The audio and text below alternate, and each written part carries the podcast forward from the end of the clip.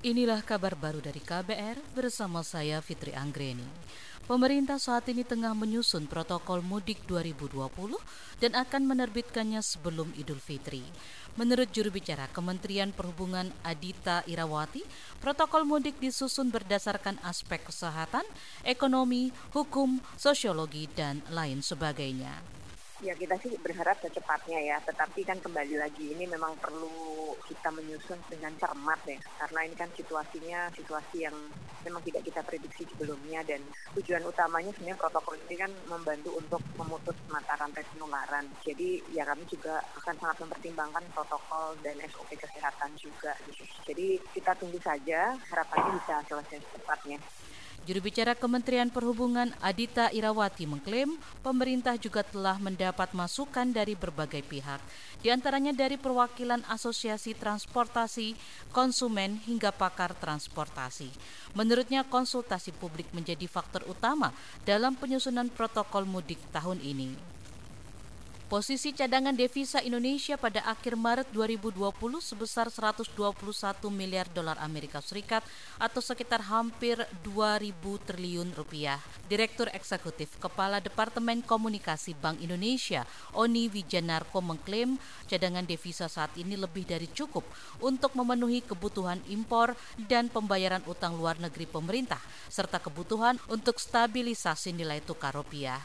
Bank Indonesia menyebut ada beberapa penyebab yang membuat cadangan devisa pada Maret 2020 turun, antara lain dipengaruhi pembayaran utang luar negeri pemerintah dan stabilisasi nilai tukar rupiah akibat meluasnya pandemi COVID-19.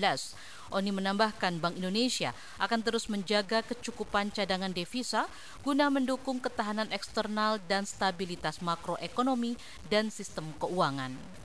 Pemerintah Kota Makassar, Sulawesi Selatan menggelar tes cepat atau rapid test COVID-19 serentak di sejumlah puskesmas sejak pekan lalu.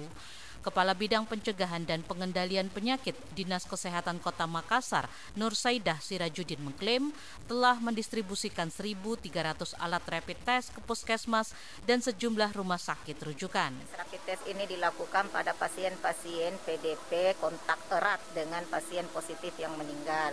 Bila ada anggota keluarga yang sudah terpapar dengan pasien positif ya dari hari pemeriksaan swab, itu kita tindak lanjuti lagi setelah didapat positif kita tindak lanjut diikuti dengan pemeriksaan VTM, rapid test itu dilanjutkan dengan pemeriksaan PCR namanya untuk meyakinkan apakah memang betul-betul virus corona itu ada dalam tubuh pasien tersebut.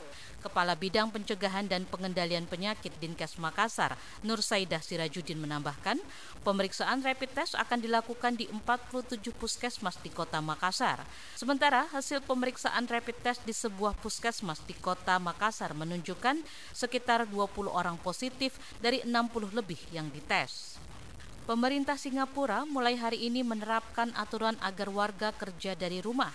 Mengutip Straits Times, pemandangan jalan-jalan dan transportasi umum yang biasanya dipenuhi warga kini berubah kosong. Mayoritas perkantoran juga berhenti beroperasi. Hanya layanan perbankan, restoran, dan pasar merupakan sektor bisnis yang masih diperbolehkan beroperasi. Penjual di pusat jajan Marine Terrace tetap buka dan hanya melayani pemesanan untuk dibawa pulang.